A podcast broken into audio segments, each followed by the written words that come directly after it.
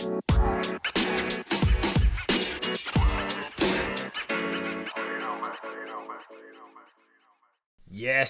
Velkommen til en ny episode av Fantasy Snakkes. Mitt navn er Eirik Boman. Sitter her med min gode kollega og min gode venn Eirik Doksam Haugerud. Hallo, hallo. I dag så skal vi ta for oss runden som kommer nå, Gameweek 18. Og Gameweek 19 skal vi snakke litt om også. Og vi skal snakke om hvordan det gikk i Gameweek 17, den store boxing day-runden. Da var det generelt veldig høye poengsummer.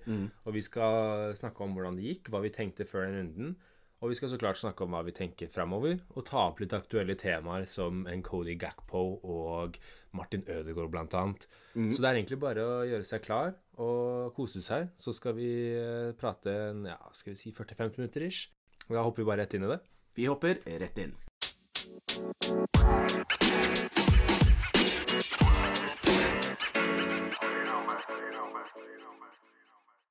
Yes, da er vi jo inne i vår eh, første del av podkast, og da skal vi snakke om hvordan det gikk. Så Doxheim, kan ikke du ta oss gjennom du, hva du tenkte før runden, og hvordan det gikk? Yes, så da er det jo Game Week 17 vi snakker om, den store romjulsrunden.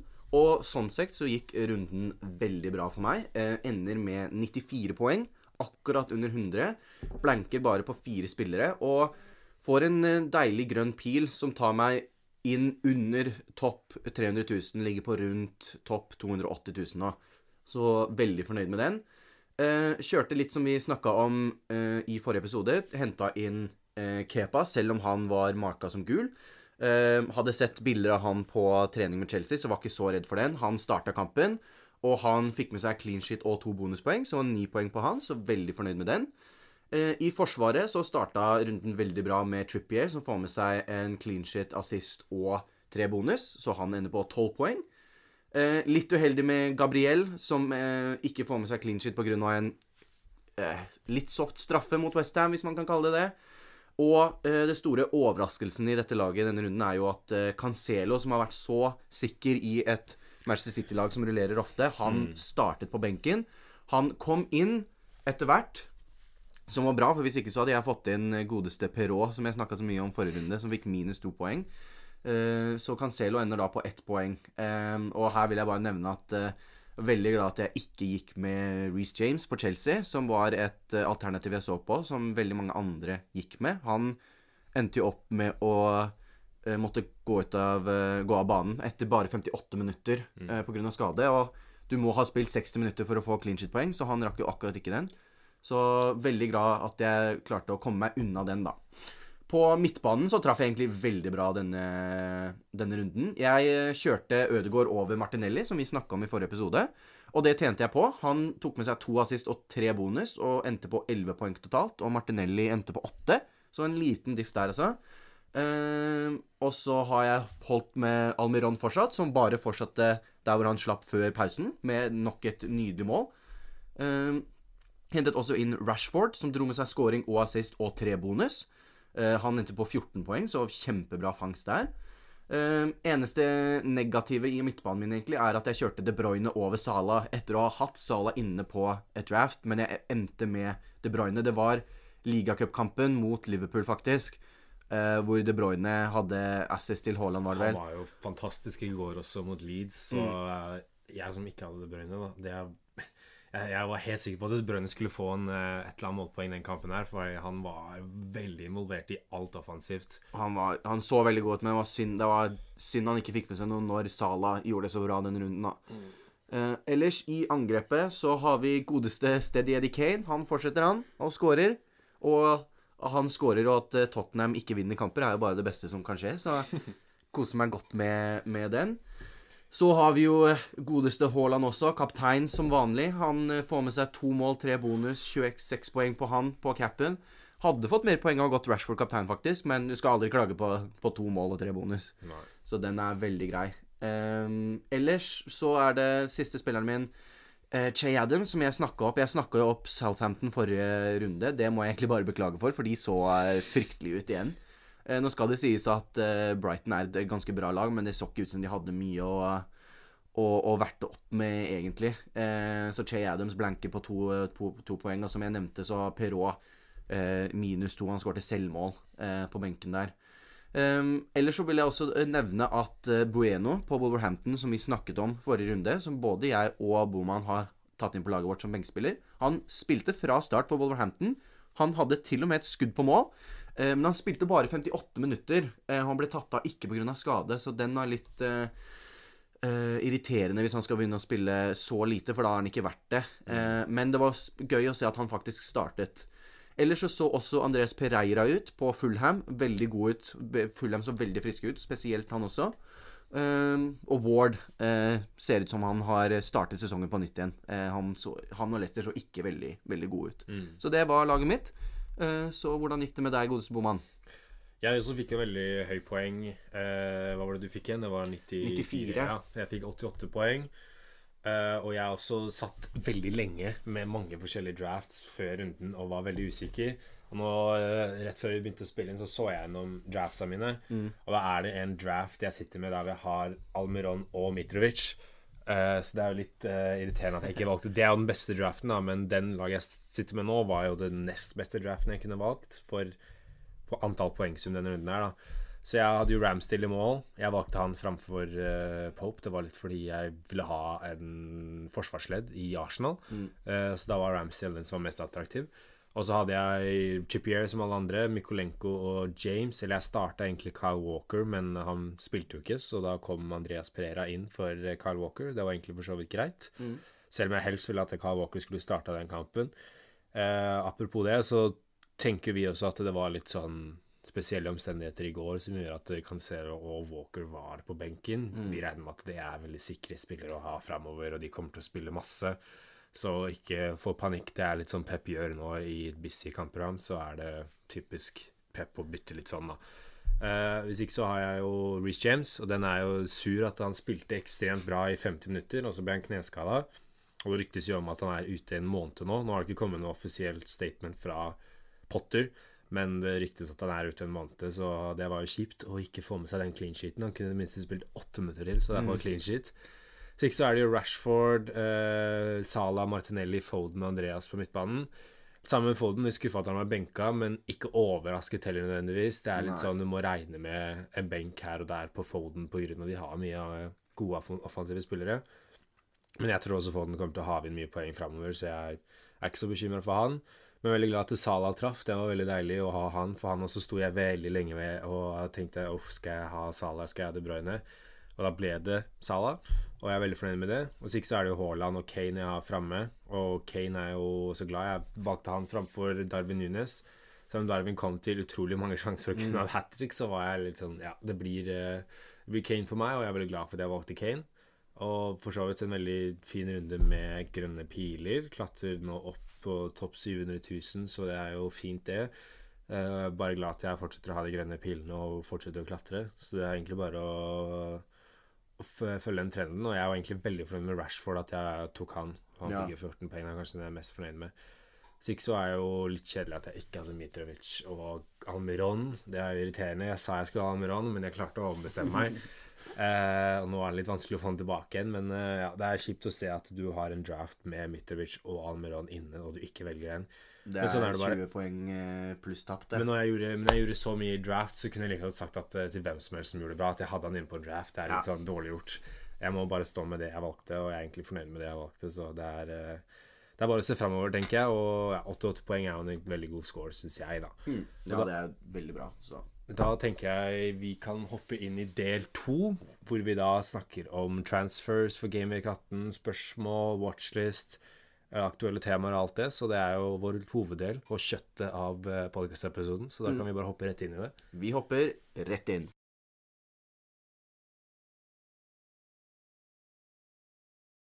Og da er vi inne i vår eh, hoveddel, del to av podkasten, hvor vi skal gå gjennom runden som eh, kommer, og alt relatert til det. Og da skal vi starte med noen eh, lyttespørsmål vi har fått. Så Boman, hvis du kan lese opp de? Ja, vi fikk spørsmål av eh, Kjell Boman, som lurte på hvilke City-spillere utenom Haaland bør man ha nå. Mm. Og det er jo en slags evig uh, debatt, det der. Hvem City-spillere skal man ha? For det er jo rotasjoner og veldig mange gode spillere å velge mellom. da Skulle gjerne hatt nesten hele City-laget. Ja. uh, men uh, for oss så tenker jeg at det er så klart De Bruyne er den mest uh, obvious spilleren du kan ha. da Mm. Men han er jo også den dyreste man kan ha. Så det er liksom, Hvis man har Salah og man vil ha en De Bruyne, så kan man gjøre det. Selv om jeg ville fortsatt stått med en Salah, så er De Bruyne er en veldig god kandidat. Hvis ikke så har du Cancelo, Walker eh, og kanskje defensivt. Cancelo Walker vet vi jo Det snakka vi masse om Walker snakka masse om forrige runde, og som jeg sa tidligere han kommer til å spille masse. Han er høyrebekken til City, det er jeg 100% sikker på. Selv om Louis spilte veldig bra i går, eh, så tror jeg Walker kommer til å være den være høyrebekken, og Cancelo kommer til å være venstrebekken. De to er, eh, eh, er Vi veit hva Cancelo kan gjøre, og Walker koster 4,8. Han er billig i et City-forsvar. Og Samuel Makanshi. Han er også vært eh, spilt veldig bra, og han ser ut til å spille alle City-kampene. Ja, han har virkelig tatt den ene midtstopperplassen der nå. Ja. Og han koster bare 5,0. Eh, og ja, han har spiller Hvis jeg, vi har tallene foran oss, han spiller 90 minutter helt siden han har kommet til City, egentlig. Ja, han har 71 minutter. 71 minutter, så Akanji er en veldig fin, billig alternativ i City som er sånn ok, han vil spille nesten hver eneste kamp. Kanskje han får en benk eh, her og der, men han kanskje kommer til å spille. Og så hvis ikke, så er det jo en Phil Foden på midtbanen, som er eh, også jeg tror den som kommer til å hente mest poeng av de midtbanespillerne. Du har jo Jack Grealish og Mares, men eh, for min del så tror jeg Foden Foden er det beste alternativet på midtbanen, utenom De Bruyne, så klart. da. Ja, jeg føler når det kommer til eh, Manchester City, så er det, det Alle spillerne er gode nok, så det handler litt mer om hvem tror du spiller mest. Fordi du kan være så god du vil, men du får ikke scoret mål om du ikke spiller. Eh, så derfor syns jeg at eh, Sånn som vi snakka om, det var veldig overraskende i går at spillere som Cancelo og Walker ikke spilte, for de har vært noen som har vært ganske sikre i det, og spesielt Forsvaret har vært, pleid å vært ganske sikkert. Det har vært litt mer rotasjoner eh, fremover i banen. Eh, men som Boman nevner, jeg tror Cancelo og Walker kommer til å være veldig sikre framover. Eh, det er første kampen nå Det var første kampen etter VM. Det kan godt hende det har noe med det. Eh, eller andre ting. Eh, jeg sliter med å tro at noen av de er ute av laget. Eller så liker jeg Akanji veldig godt som en som en liten joker. Jeg tror de fleste nesten glemmer at han spiller. Eh, han har liksom blitt den jeg tror folk trodde han Nathan Akay skulle bli i City. Eh, som har kommet til nå, og bare at han har tatt den, den plassen og, og, og virkelig eh, spilt bra, da. Eh, og han er jo ikke eid av så mange heller, så jeg tror det kan være en, en veldig god, god diff. Og det er jo De Bruyne er jo garantert spilletid så, så, langt, så lenge han er frisk. Men det er snakk om På Fantasy nå så kan du ha eh, to eller tre premiums maks, og da er det hvis du eh, står med Regner med at alle står med en, en Haaland, og da er det liksom Hvem skal du ha på de andre? Er det en De Bruyne og en Kane, eller er det en De Bruyne og en Sala? eller skal du bare ha én av de? De Bruyne eh, er et bra valg hvis du har plass til han, fordi han koster veldig mye. Han tar et av de premiumplassene dine, da. Så du må være klar over at selv om han er det beste valget utenom Haaland fra City, så er han bare et bra valg hvis du har plass til han. Eh, og jeg vil faktisk si meg enig nå. Eh, jeg står jo med De Bruyne selv, og jeg føler at de har Ev eh, City har Everton hjemme nå neste kamp. Men så etter det så har de ganske tøft program. Da møter De de Chelsea i Gameweek 19. Og så mener jeg de har Er det ikke Arsenal? Det er Chelsea, Arsenal, Tottenham. ja, Jeg husker er, ikke akkurat rekkefølgen på det. Det Ja. er Chelsea, Chelsea Manu, Tottenham. Chelsea, ManU, Tottenham, ja. Og det er Chelsea borte, ManU borte, og så Tottenham hjemme. Så jeg tenker nok nå, hvis du står med en De Bruyne Jeg føler ikke det er verdt å bytte han ut for en Everton hjemme. Det er en ganske god kamp. Men etter det, når vi kommer til Game Week 19 da, og utover, så har Liverpool mye bedre program enn City uansett. Og da føler jeg at eh, hvis det nå ikke er veldig imponerende for De Bruyne mot Everton, så er ikke jeg eh, vrien å be om å hoppe over til Sala til Game Week 19. Ja. Ja, så for å ta en liten sånn oppsummering, så tenker jeg at det er de to beste valg Hvis jeg skulle valgt fritt, da, eh, så ville jeg valgt eh, så klart De Bruyne og Walker. Men for mitt lag så hadde jeg ikke Jeg hadde ikke ofra Sala for en De Bruyne, men jeg tenker at Walker og Akanshi er de to beste med tanke på pris, da, fra City, vil jeg, eh, ville jeg tenkt. Mm. Da kan vi egentlig opp til neste spørsmål. Da fikk vi spørsmål om hvem i samme prisklasse bør erstatte Reece James. Dette er også noe jeg skal snakke om litt seinere i podkasten når jeg snakker om mine transferplaner, litt fordi jeg også skal kvitte meg med Reece James. Men på en mer sånn generell basis, da, på hvem som bør erstatte, erstatte Reece James i rundt den prisklassen, så vil tenke jeg at hvis du Da tenker jeg mest egentlig på lag, da. Hvilke lag har de beste kampene framover, og hvem holder mest clean sheet?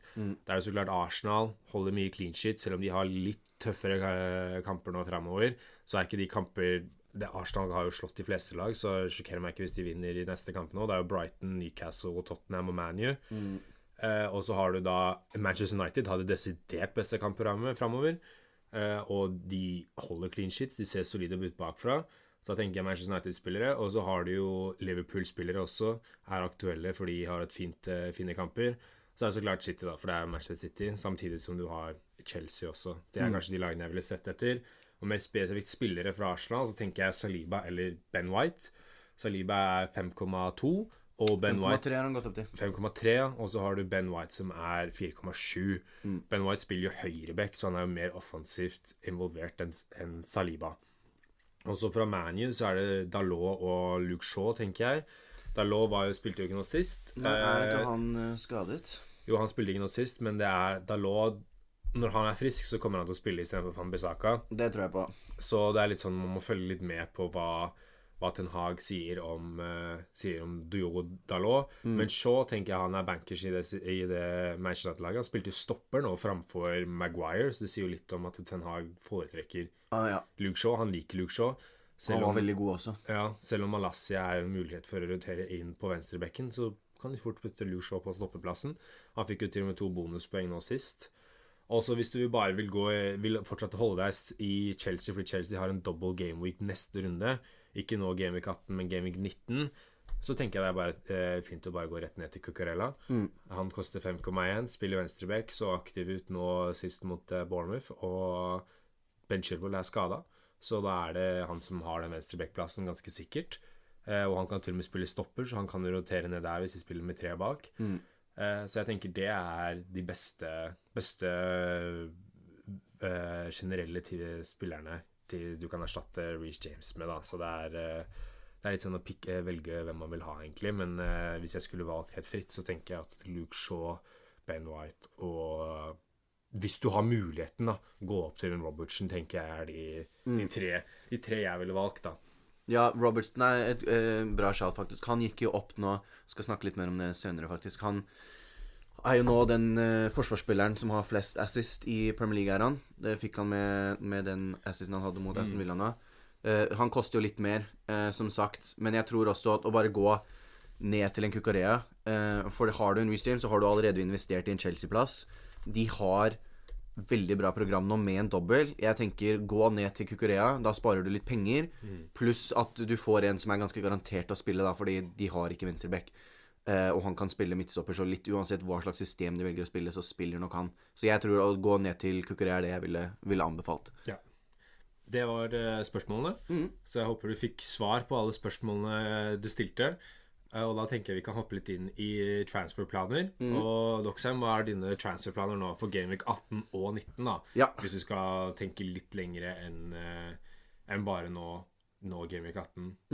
Nei, altså Det første jeg så, eh, var at jeg hadde investert i to Southampton-spillere, og Southampton så ikke ut som et lag du vil ha to fantasy-spillere fra.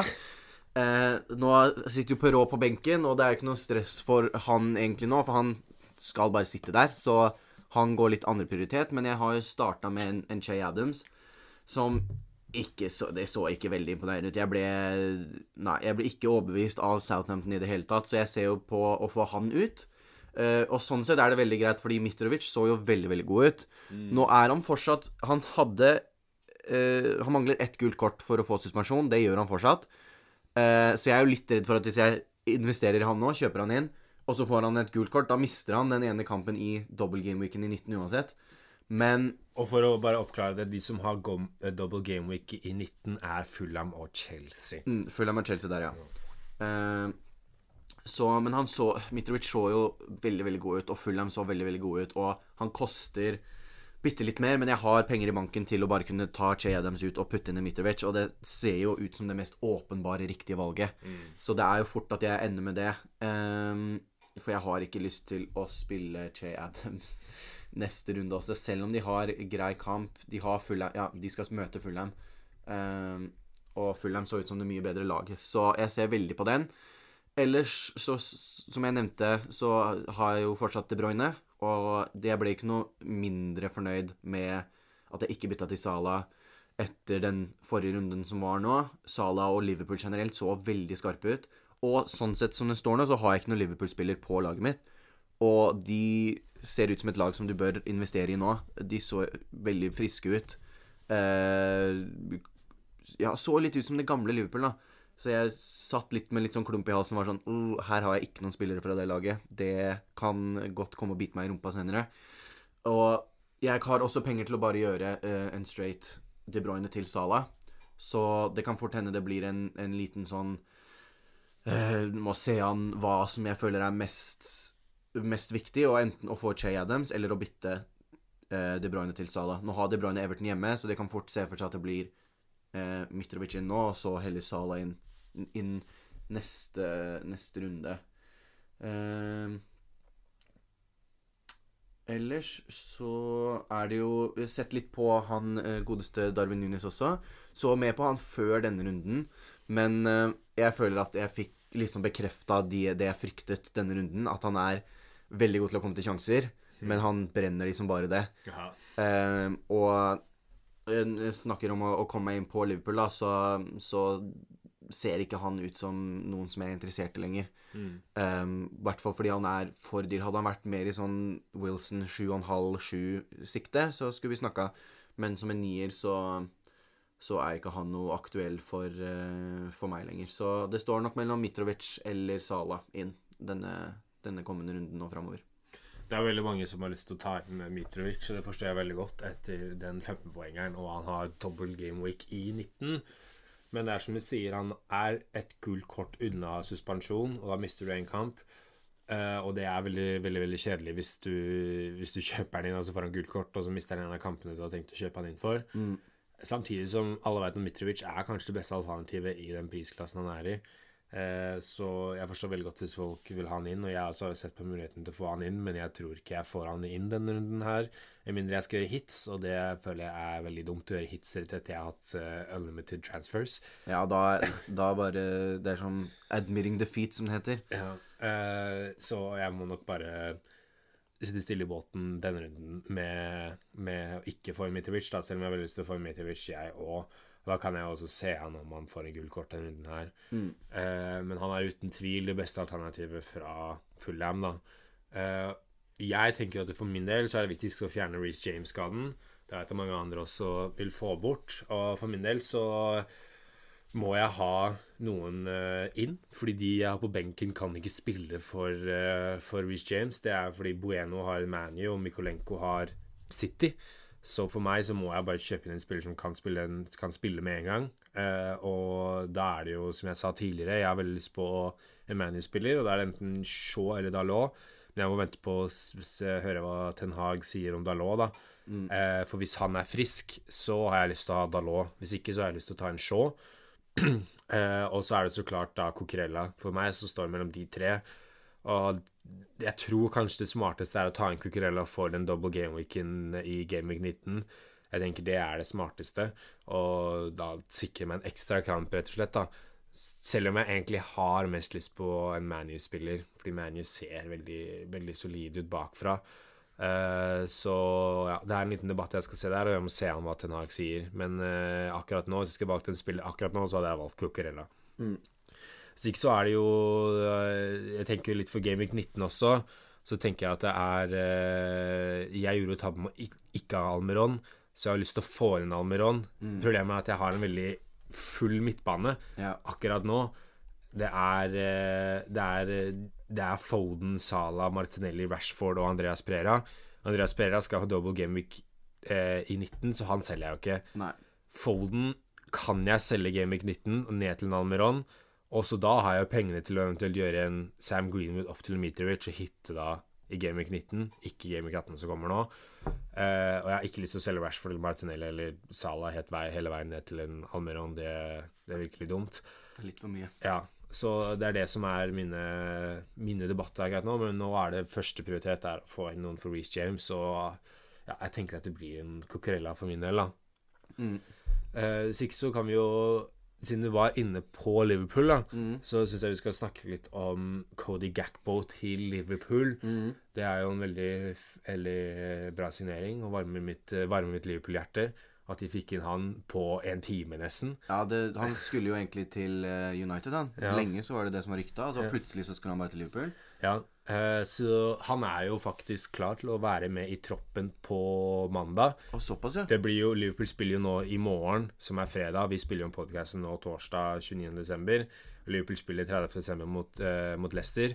Da kan han ikke spille, fordi da, da han er ikke, jeg får ikke lov til å komme over til Liverpool før 1.1. Ja. Men i Game Week 19 så spiller Liverpool 2.1 mot Brentford, og han, har, han får lov til å være med i troppen der. Det har han lov til, så lenge den work permiten går greit, og det gjør vel det helt sikkert. ja. Uh, og da er spørsmålet litt, eh, hva, litt hva tenker du om dette vil gjøre for en Sala og en Darwin Nunes? Vil gjøre Sala og Darwin Nunes mer attraktiv eller mindre attraktiv pga. at Cody Gakpo skal være inn i miksen der, da, og så hva eventuelt Cody Gakpo vil bety, og hvordan han vil spille, da?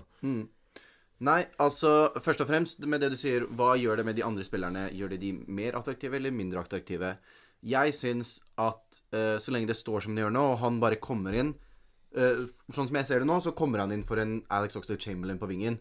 Og jeg vil si at jeg ville heller hatt Cody Gakpo eh, til, som tilrettelegger eller på vingen min hvis jeg var en Nunes eller Salah, enn en Alex Oxlade Chamberlain.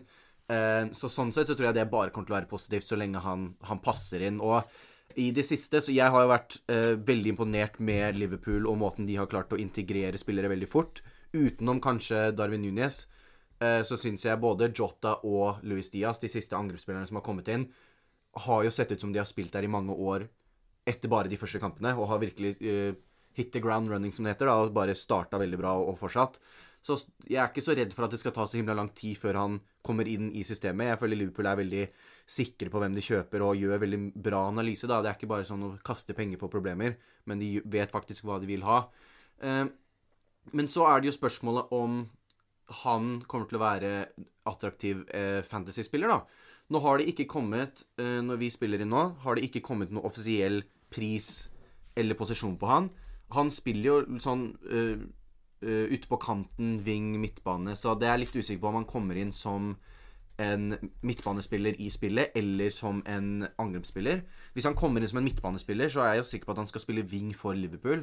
Så da kan han jo fort være veldig attraktiv. Mm. Jeg har sett noen prisrykter gå rundt på 7,5 til 8, men det er ikke noe offisielle greier. Dette er bare folk som spekulerer eh, med tanke på hva andre har vært eh, når de kom inn. Louis Diaz var vel rundt noe av det samme når han kom inn også. Ja, var rundt der. Um, så hvis han, hvis han er til en 7,5-8, si, en Saka uh, Madison-type, så tror jeg han kommer til å bli veldig, veldig interessant. Um, jeg kommer nok uansett til å vente og se et par runder for å faktisk se om han, han uh, får den spilletiden, og at han faktisk er så bra som vi har trodd han skal være, da. Men eh, jeg tror fort han kan bli veldig, veldig attraktiv hvis du er på utkikk etter, for da har du et eh, et greit eh, option istedenfor Salah, da, som ikke koster så mye å komme seg inn på. Så kan du heller få et billigere, godt alternativ inn i Liverpool. Litt sånn som Jota og Diaz var når de først kom til Liverpool. Så jeg syns dette blir en veldig spennende signering, og jeg gleder meg veldig til å se. Vi vet jo alle, eh, hvis du så i VM for Nederland, eh, eller har fulgt med i eh, Europaliga for eh, PSV, har jo sett Han spilte mot Arsenal i Europaliga-gruppen eh, nå, eh, og han er jo en utrolig god fotballspiller. Eh, og alt Liverpool tar på i det siste, ser jo ut til å bli til gull. Utenom Nunes igjen, da. Ja. Så eh, nei, jeg har store forventninger der. Og eh, hvis prisen er grei, så tror jeg han kan fort komme inn på laget mitt. Ja, det er også tenker jeg at du må se an prisen. Eh, jeg frykter jo litt at han blir, blir en angrepsspiller på Fantasy til eh, rundt åtte til ni. Bare fordi jeg tenkte på Darwin Nunes kommer inn som en ni blank. Eh, og det hadde ikke sjokkert meg hvis de hadde tatt han inn til en åtte, åtte og en halv, ni som angrepsspiller. Eh, for han spiller, jo, han spiller jo angrep. Han er jo mer en angrepsspiller enn han er midtbanespiller. Så jeg tror det, det hadde vært en gave fra Fantasy hvis de hadde gjort ham til midtbanespiller. Eh, til, som du sier, åtte, åtte, åtte og en halv rundt der. Eh, og så er det jo Man må jo se han, tenker jeg. Eh, han kan jo være som Salah og Yota og Diaz, gå rett inn og bare er bøtter inn mål med en gang de kommer inn. Eller så kan det hende at han tar litt tid til å bli vant. Han har jo ikke trent med Liverpool ennå. Det er kanskje i dag han får første trening. Mm. Eller så må han til og med kanskje vente til 1. januar for å han får lov til å trene med Liverpool. Så man må jo se han litt grann, eh, hvordan han gjør det, og se han prisen. Og vi skal legge ut når prisen kommer ut på Instagram, så følg med der. Så ja. skal vi få lagt ut når prisen hans kommer ut. Men jeg tror det også blir veldig Jeg er helt enig i at han kommer til å gjøre Salah og Nunes mer interessant. da Han kan uh, sette dem opp til bedre situasjoner. Kanskje han tar et målpoeng eller to for dem, men jeg tror det bare kommer til å være bonus på på skåringen til Liverpool. Da. Hvis Salah skårer ett, så tror jeg Cody Gakpo legger til ett på toppen av det igjen. Jeg tror ikke han tar Salah sine mål. Nei. Uh, så det blir spennende å se. Han spiller jo wing, som du sier. Tar plassen til Oxlade Chamberlain. Uh, og så lenge Louis Diaz er, sk er skada, så har han den venstre wing-posisjonen for seg selv. Yota kan jo blande seg inn. Men Klopp er glad i å ha Yota på benken. Mm. Uh, og, men jeg, det eneste jeg tror, er at dette kan skade Darwin Nunes litt på lang sikt, da. Når Yota er tilbake, så kan det hende at eh, Gakpo og, uh, og Yota tar minutter fra Darwin. Mm. Så det gjorde egentlig meg litt mindre keen på Darwin Nunes. Uh, I hvert fall uh, på lang sikt, da, men på kort sikt så tror jeg Darwin fortsatt er et veldig godt alternativ, bare fordi Gakpo kommer ikke til å gå rett inn og spille 90 minutter. Jeg tror han fort er på benken på, på mandag. så ja, han er i hvert fall interessant, og det er morsomt å få inn en offensiv spiller på et av de bedre lagene i Premier League. da. Mm. Så spennende å se. Jeg vil bare si eh, også at det, det, som er litt spennende òg, det er jo nå Det er jo veldig greit nå når dere sliter så mye med skader og sånn, mm. men hvordan kommer det til å se ut når alle er eh, skadefri? Blir jo litt spennende. Dette, dette er jo eh, veldig langsiktig, da. Eh, og hvis du kjenner Liverpool, så kommer de sikkert aldri til å være skadefri hele gjengen samtidig Nei. heller. Men eh, nå har de jo veldig mye offensivt. Diaz, Jota, Nunes, Salah, Firmino ja. Alle kan jo ikke spille sammen, så det blir interessant å se hvordan den, hvordan den angrepet blir Ja, hvordan de gjør det når de faktisk har alle, da. Fordi det er jo greit nok nå når noen er skada, så får de ikke spilt. Men jeg tror ikke liksom Louis Diaz har lyst til å sitte på, på benken kjempemye liksom, hvis han er skadefri. Så den blir jo spennende å se, da. Men sånn sett som det står nå, og mest sannsynlig, så er det alltid noen i det Liverpool-angrepet som er skada. Så da er det jo greit å ha litt og flere ja. stringer å spille på. Det er nok litt også fordi jeg tenker at eh, Firmino kanskje er på vei ut i sommer. Ja. Og da er det litt for å få inn en spiller for han. Og så glemte jeg også å nevne det at Firmino er jo straks tilbake fra skade, så mm. det kan jo også da skade Nunes. Men jeg tror ikke Gakpo går rett inn i det laget og spiller 90 minutter de nærmeste ukene. Han er nok en uh, han blir nok litt sånn eh, Tatt litt forsiktig inn i laget og får 30 minutter, får 60. Ja, Spille seg varm i trøya. Eh, ja, spille seg varm i trøya først, tror jeg. Så foreløpig nå så tror jeg man skal følge med.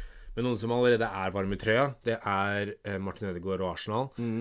De ser jo ut som gamle Barcelona. Eh, Tikki Taka framme der. Og jeg ville bare Lett og slett bare få en liten shout-out til Ødegaard. da, og se, mm. Vi nevnte jo han sist. At han han eh, ser veldig bra ut, han og Martinelli. Og Ødegaard, når jeg så han nå mot Westham, han var jo banens desidert beste ja, spiller. Burde jo kunne ha to mål, og hadde jo to assist. Uh, så jeg For alle som ikke har noen Arsenal offensivt, få det på. Ja, få, på få på Ødegaard eller Martinelli. En av de to bør du ha på laget.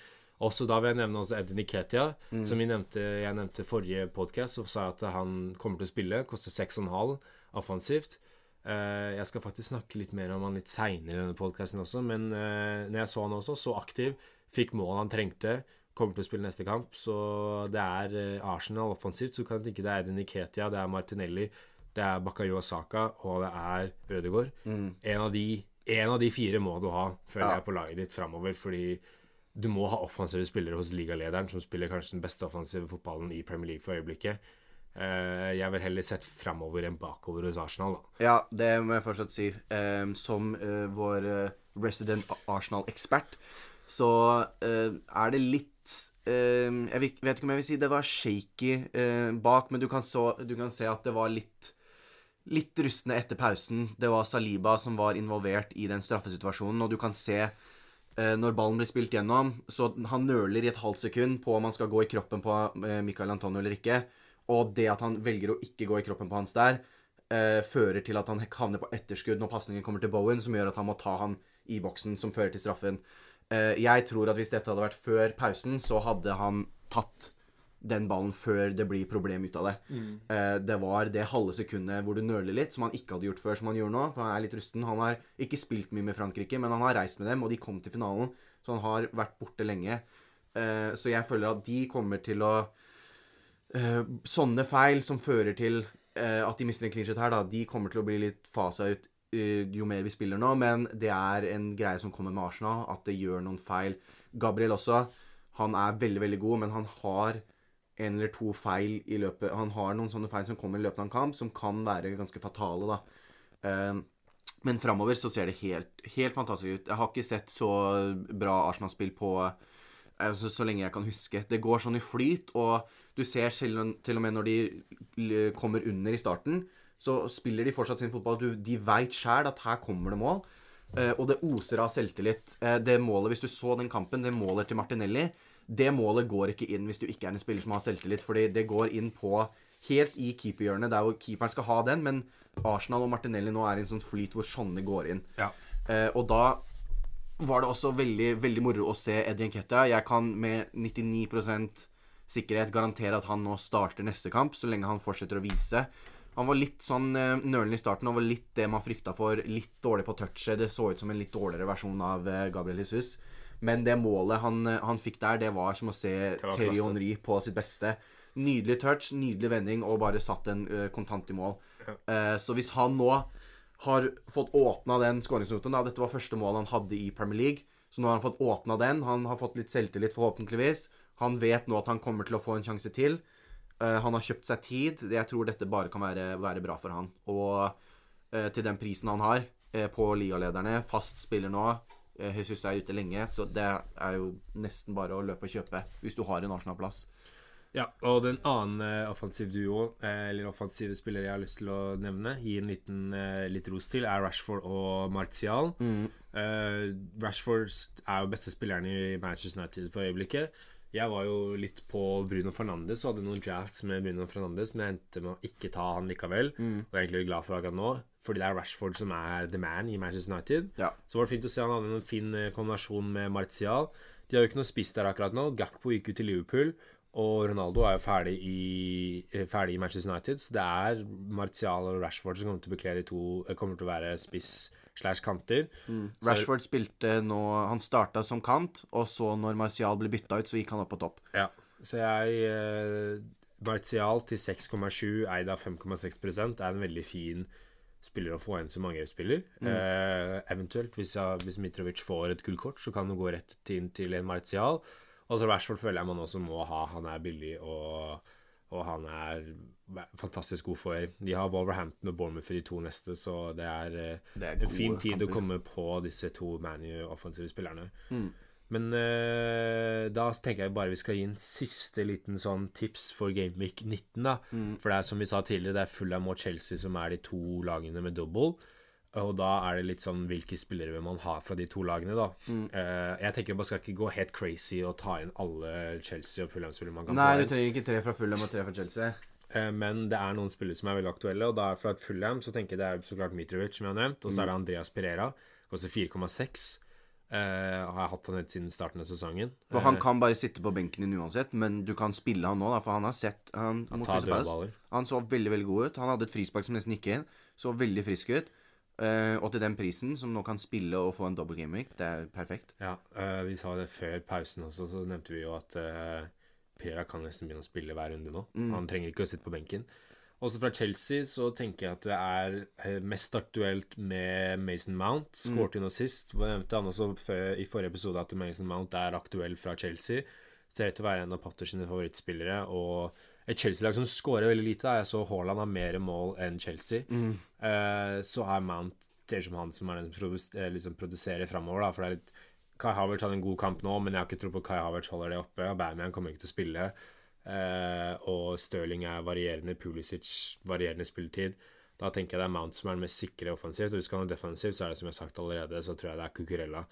Eller eventuelt en Kolabali Kepa, så klart. Kepa er kanskje det beste defensive du kan få inn, men hvis ikke du har Kepa nå, Mm. så er det kanskje for seint å ta inn han nå, da. For det er litt sånn hvis du allerede har en keeper, så er det litt teit å bruke transfer Et bytte på det. Ja, Ja. enig der. Men dette er jo for da Gameweek 19, så det er jo en Gameweek 18 som kommer opp nå. Og da har du jo da muligheten Siste runde i Gameweek 18 er på søndag, og så starter Gameweek 19 på mandag. Så da er det å følge med. Tunga rett i munnen nå framover. Det er julekjøret i eh, Premier League er hektisk for eh, alle som er involvert. Ja, Så da er det eventuelt på søndag kveld, da, så kan du se om du får inn en eller annen Chelsea og en Fulham-spiller. Til og med nå også, da, hvis du være litt frampå. Men det er de fire spillerne, fem da, med, med Mount Cucurella og Kepa fra, fra Chelsea.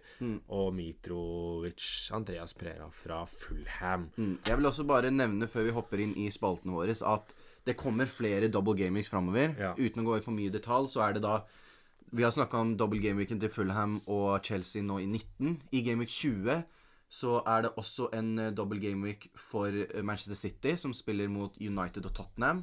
Og eh, Tottenham, som har Arsenal og City. Så det er tøffe kamper for begge de lagene, men det er altså da en, en double gameweek i 20. Og i gameweek 23 så har City double gameweek igjen, Villa og Arsenal, og Arsenal har Brentford og City. Så det kommer flere double gameweeks framover, så det er viktig å få med seg det. Så det er City, Tottenham og City og Arsenal er lag å, å ha litt, følge litt ekstra med på fremover, eh, for de får double gameweeks, bare så det er nevnt. Ja, og så kommer det masse flere litt seinere. Liverpool har jo litt kamper de skal spille, og det er andre lag som skal ta en spiller. Og så kommer så klart den tradisjonelle når det er FA Cup, kvartfinale, semifinaler. Da blir det rundt Game Week 34, da, så det er fortsatt lenge til. Da pleier det å være den store double game week-runden. Ja. Eh, så spar på chipene deres, Yes. eh, for å si det sånn.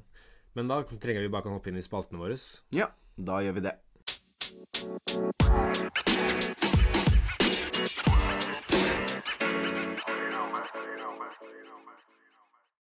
Og da er vi inne i siste del av podkasten, nemlig våre faste spalter.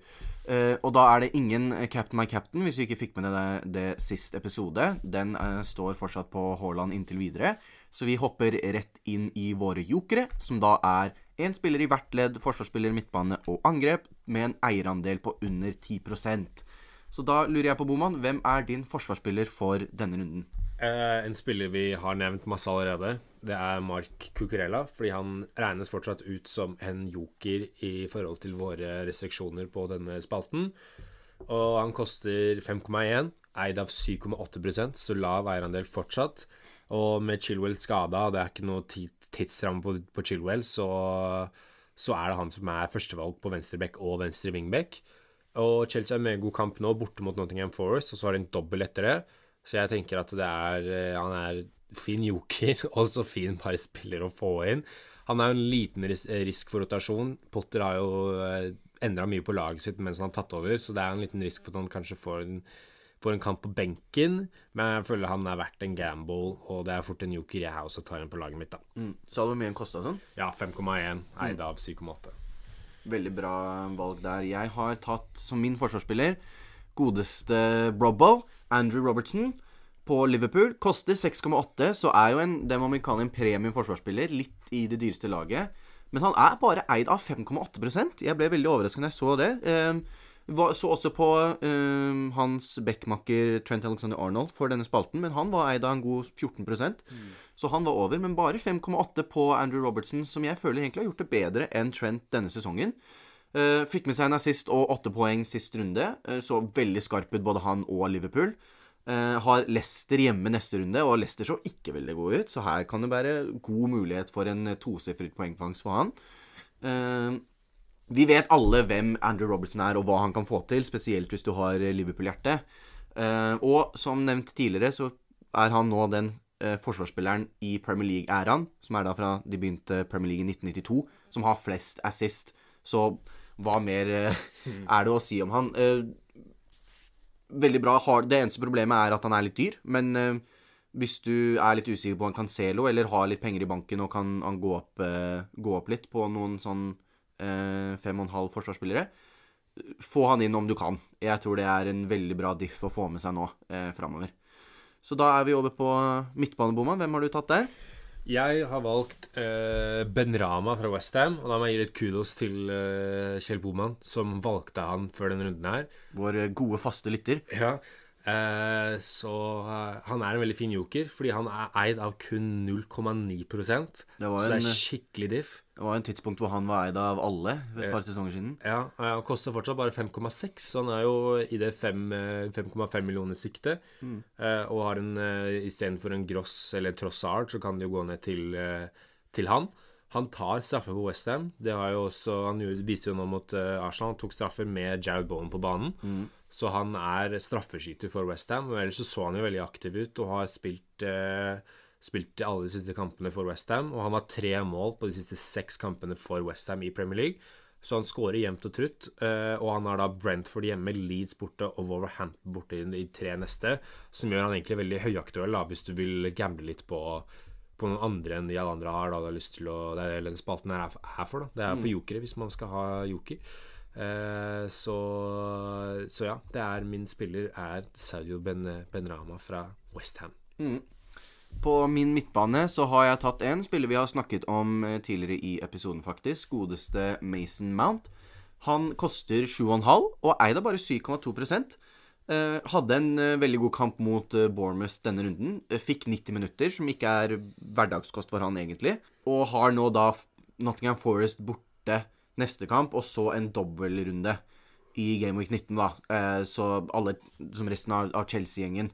Uh, så jeg syns han ser uh, ut som et veldig bra valg, og de har den dobbel gameweeken og den bra kampprogrammet nå. Jeg føler at nå er, hvis du skal ha han inn, så er det liksom nå som er det beste å få han inn på. Uh, ellers så vil jeg også gi en honorable mention til Sully Marsh på Brighton, mm. som bare koster 5,0 og eid av 0,5 han så veldig veldig god ut mot Southampton, og jeg føler han er litt sånn undervurdert spiller. Men uh, det de sa også når jeg satt så kampen, var at uh, dette var Sully March sitt 63. skudd før mm. han skårte. Så tok han 63 skudd før han klarte å skåre. Det var jo til en fantastisk mål, da. Men uh, han, han, har skutt og skutt. Det er godt et tegn også at han skyter og skyter og skyter. og mål til slutt så går de målene inn, som det viser seg nå. Mm. Eneste grunn til at Sully March ikke ble jokeren min denne runden, er fordi at Mount var eid av under 10% og har mye bedre kampprogram framover. Men uh, Brighton skal jo også nevnes at uh, det er et, kanskje første gang så lenge jeg husker å ha sett de, at de tapte XG-en, men vant kampen. Mm. De skulle hadde mindre XG enn Southampton, men de skårte likevel. Og de har alltid vært kjent som det laget som har kjempehøy XG, men aldri klarer å skåre. Yeah. Så der kan det hende det er noe som snur. Men Mason Mount, altså jeg føler at de Chelsea-gutta der, eh, med det programmet de har om dobbel, er nesten uh, gratispoeng. så Mason Mount for meg i midtbanen. så da er vi over i angrep. Så hvem har du der, Boman? Uh, angrep så har jeg en fyr vi snakket litt tidligere om. Det var Eddie Niketia. Mm -hmm. uh, han koster fortsatt 6,5 og eid av 2,3% så veldig lav eierandel for Eddie Niketia. Uh, tok sjansen han fikk fra start, og skårte. Det var det alt du kan be om fra spissen din, er å skåre mål, og det gjorde han.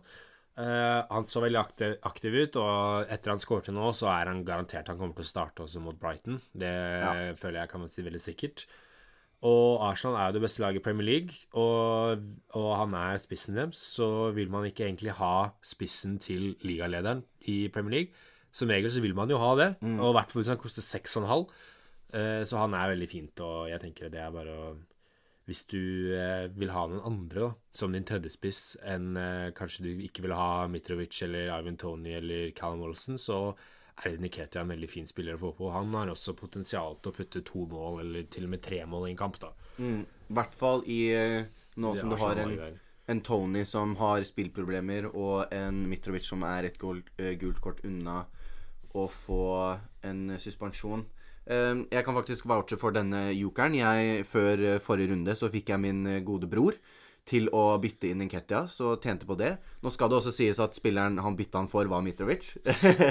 så ikke okay, Så du satte han opp for eh, failure, egentlig? Satte han opp. Men han, Inketia fikk med seg et mål, vet du, så det var jo det jeg tenkte. så han, han Taktisk. Han tror jeg kan virkelig For jeg tror ikke Arsenal kommer til å uh, finne noen som kan erstatte Jesus nå fordi enten så skal man betale eh, store mengder penger for en spiller som da skal sitte på benken når Jesus kommer tilbake. Nei, de kan jo egentlig ikke gjøre det. Det blir jo eventuelt et lån eller noe sånt, da. Men hvis Enketia fortsetter å score, så ser jeg ikke noen grunn til at det er mye billigere å bare ha han. Det er, eh, det er han der av mye drykk i Sjaktar, og så er det men han er, han er en ving, han er ikke spiss. ja, Og så er det Joa Felix på lån da, fra Atletico som er heftigst linka til Arsenal. Mm, Det er snakk om det, men så lenge jeg tror Arteta har mye mer lyst til å bruke Enketia um, Om han kan det. Så så lenge han tar de, og griper de sjansene han får, så ser jeg ikke noen grunn til at han ikke kommer til å få spille. Så har vi da siste jokeren, min angrepsspiller. Og der har jeg en som eh, du var litt skeptisk til, faktisk. Kai Havert. Koster 7,7. Eid av bare 4 Og han her er i, i jokerspalten på veldig, samme, veldig mye samme grunnlag som Mason Mount. Eh, hadde god kamp mot Bournemouth for Chelsea. Mål og assist. Fikk med seg 90 minutter, som er eh, ikke hverdagskost for han heller. Eh, så jeg, jeg syns jo det tyder på at både han og Mount kommer til å starte neste kamp, i hvert fall, i den bortekampen mot Nottingham Forest. Og så har de en dobbel i Game Week 19, så så lenge de eh, får minuttene som skal til, så syns jeg de har sett veldig gode ut. Og jeg tror det er nå eller aldri på de, da, for å få med de gode eh, kampene de har nå, pluss den dobbelen. Så jeg tror Kai Havertz kan være en, eh, en, en god diff eh, i de kampene. Helt enig. Han kan være en, eh, han kan være en diff, men jeg tør ikke å ta Havertz. Nei. Men da var det jokerne våre, så da er vi inne i siste spalte, nemlig Eirik mot Eirik. Og da hadde vi forrige runde, så hadde vi spillere vi hadde lyst til å ha med på julemiddag. eh, Eller på julaften. Og da valgte jeg Rashford fra Manchester United, og Boman valgte Kyle Walker fra Manchester City. Og her har jo hele denne spalten snudd seg på hodet, for Rashford han håvet inn gode 14 poeng. han. Eh, to treff på rad nå, det er jo helt uhørt. Og godeste Walker, han fikk med seg hvor mange? Null poeng. Men uh, vi hadde det veldig hyggelig på julemiddag, så vi driter egentlig i hvordan han gjorde det der. Jeg var mest opptatt av det hyggelig på julaften. Ja, det- Og meg og Carl Walker hadde det kjempehyggelig, så hvem bryr seg? Det var derfor han ikke spilte. Ja. For han var på julemiddag. Og litt mye akevitt til Carl, Carl Walker. Så jeg drar jo fra nå Uh, og tar med meg en 14 poengs uh, diff der, altså. Så da er vi inne i neste tema, som vi har valgt å være Premier League-vinnere. Og da har vi valgt å ekskludere Salah og De Bruyne, for hvis ikke så hadde det bare blitt de to. Så da lurer jeg på, Boman, som får velge først pga. at du fikk, kom dårligst ut av forrige runde. Hvem Premier League-vinner er det du har lyst til å ha? Det er jo litt Det er ikke akkurat så veldig mange lag å velge mellom, for det er City og Liverpool som har vunnet i Premier League de siste årene. Yes. Eh, men du har jo noen i andre klubber, som Aspel Coeta blant annet. Da. Han er kanskje ikke den mest aktuelle, men han har jo vunnet Premier League. Så det er litt spill rundt omkring også. Men for meg så ble det mellom City og Liverpool, fordi de har de to beste kampene. Uh, og da ble det Liverpool, fordi Liverpool har Leicester hjemme. Fordi de så mest interessante ut. Og du kan jo ikke velge Darwin Nunes, f.eks. Han har ikke vunnet Premier League. Og på midtbanen til Liverpool så er det ikke akkurat så veldig mye interessant. Og angrepet så er det jo Salah, men han kan jo ikke velge. Så da, da Og Firmino er litt usikker om han kommer til å spille. Så da så jeg bakover, og da sto det mellom Robertson og Trent. Og jeg valgte Trent Alexander Arnold fordi han har veldig gode opplevelser fra Leicester-kampene. Han uh, har jo bøtta inn mål mot Leicester en eller annen grunn. Det er, virker som det er favorittlaget hans å spille mot. Så da eh, blir det Trent, fordi det er litt gøy å velge, velge noen spillere jeg ikke har på laget også, så jeg kan se litt ekstra til, eh, til Trent da, når de spiller mot Leicester. Jeg eh, har da valgt Jeg skal si faktisk jeg har valgt ikke en som spiller på City eller uh, Liverpool. Det er gøy. Det er bra. Uh, men han har ikke vunnet Premier League med den klubben han spiller for nå. Uh, for jeg så også til, til City og Liverpool, men det er ikke så mange i det Liverpool-laget som spiller nå, som var med å vinne Premier League den ene gangen de hadde den, utenom Salah, som hun da ikke kan velge. Og på City så var det veldig mye Der kan du jo velge hvem som helst, nesten, for de har jo vunnet i Premier League fire-fem ganger, hele gjengen. Men der, Ikke Haaland, riktignok. Nei, han har jo ikke vunnet, da. Eh, men der syns jeg det ble litt, eh, litt stress med den rulleringa. Det er jo sånn Marius har jo vunnet i Premier League med både City og Leicester, men han er jo ikke garantert spille, spilletid og det der. Men så eh, kom jeg på at uh, Jeg så da til Chelsea. Og kom jo på at godeste Raheem Sterling Han har vunnet i Premier League med City. Eh, ikke med Chelsea, men han så veldig frisk ut mot Bournemouth. Og han har jo en veldig god kamp nå neste runde mot Nottingham Forest også. Eh, så jeg har da valgt han, Raheem Sterling, for Chelsea der, altså. Så da er det Boman som har valgt Trent Alexander Arnold for Liverpool, og jeg som har Raheem Sterling for Chelsea. Så da blir det spennende å se hvem som Om du kan nå ha litt du skal ta igjen.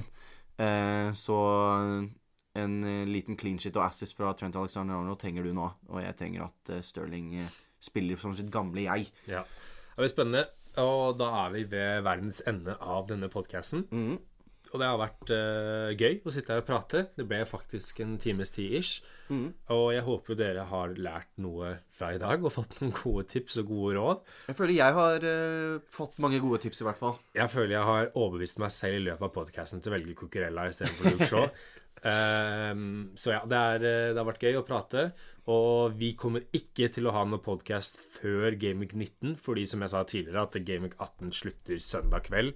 Og så starter Gameweek 19 eh, mandag kveld, mener jeg. Eh, og da blir det litt for tight rom for dere til å helt tatt høre på en podkast, og for oss til å spille inn og edite den podkasten. Det blir litt tight.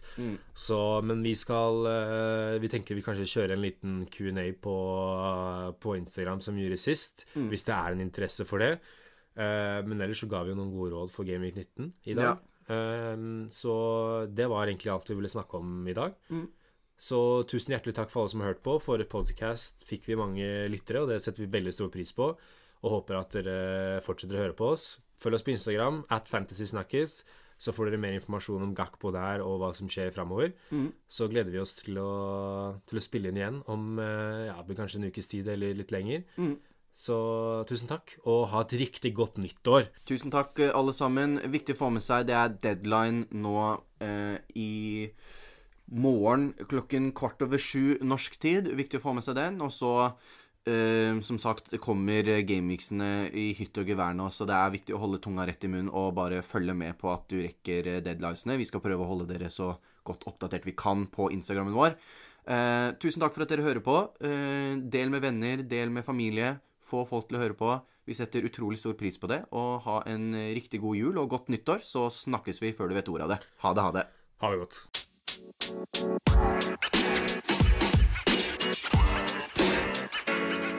mess, you don't mess, you don't mess.